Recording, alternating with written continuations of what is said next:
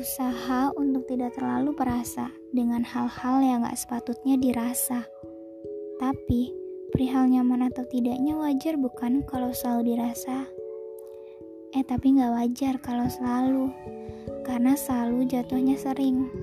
Kalau kadang-kadang gak apa-apa. Cukup dinikmati dan bersyukur karena bisa berada di zona ini. Mungkin ini proses bagian dari pendewasaan. Layaknya hal yang gak nyaman. Selalu diingat, dirasa, dan yang ketiga sepatutnya diberi solusi.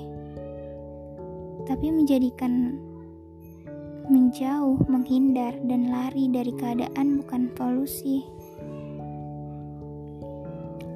Aku tahu ini sulit menghadapi dan dinikmatin, tapi ini proses. Lantas, kapan kita akan dewasa? Kapan kita akan belajar jika selalu berada di zona yang nyaman? Gak mau, iya gak mau rasanya kalau selalu merasa seperti ini. Jadi, ini wajar atau tidak? Manusiawi atau tidak? Ketidaknyamanan adalah manusiawi lalu menjauh menjadi solusi, apa tetap manusiawi? Yeay, jangan lupa bersyukur. Bye.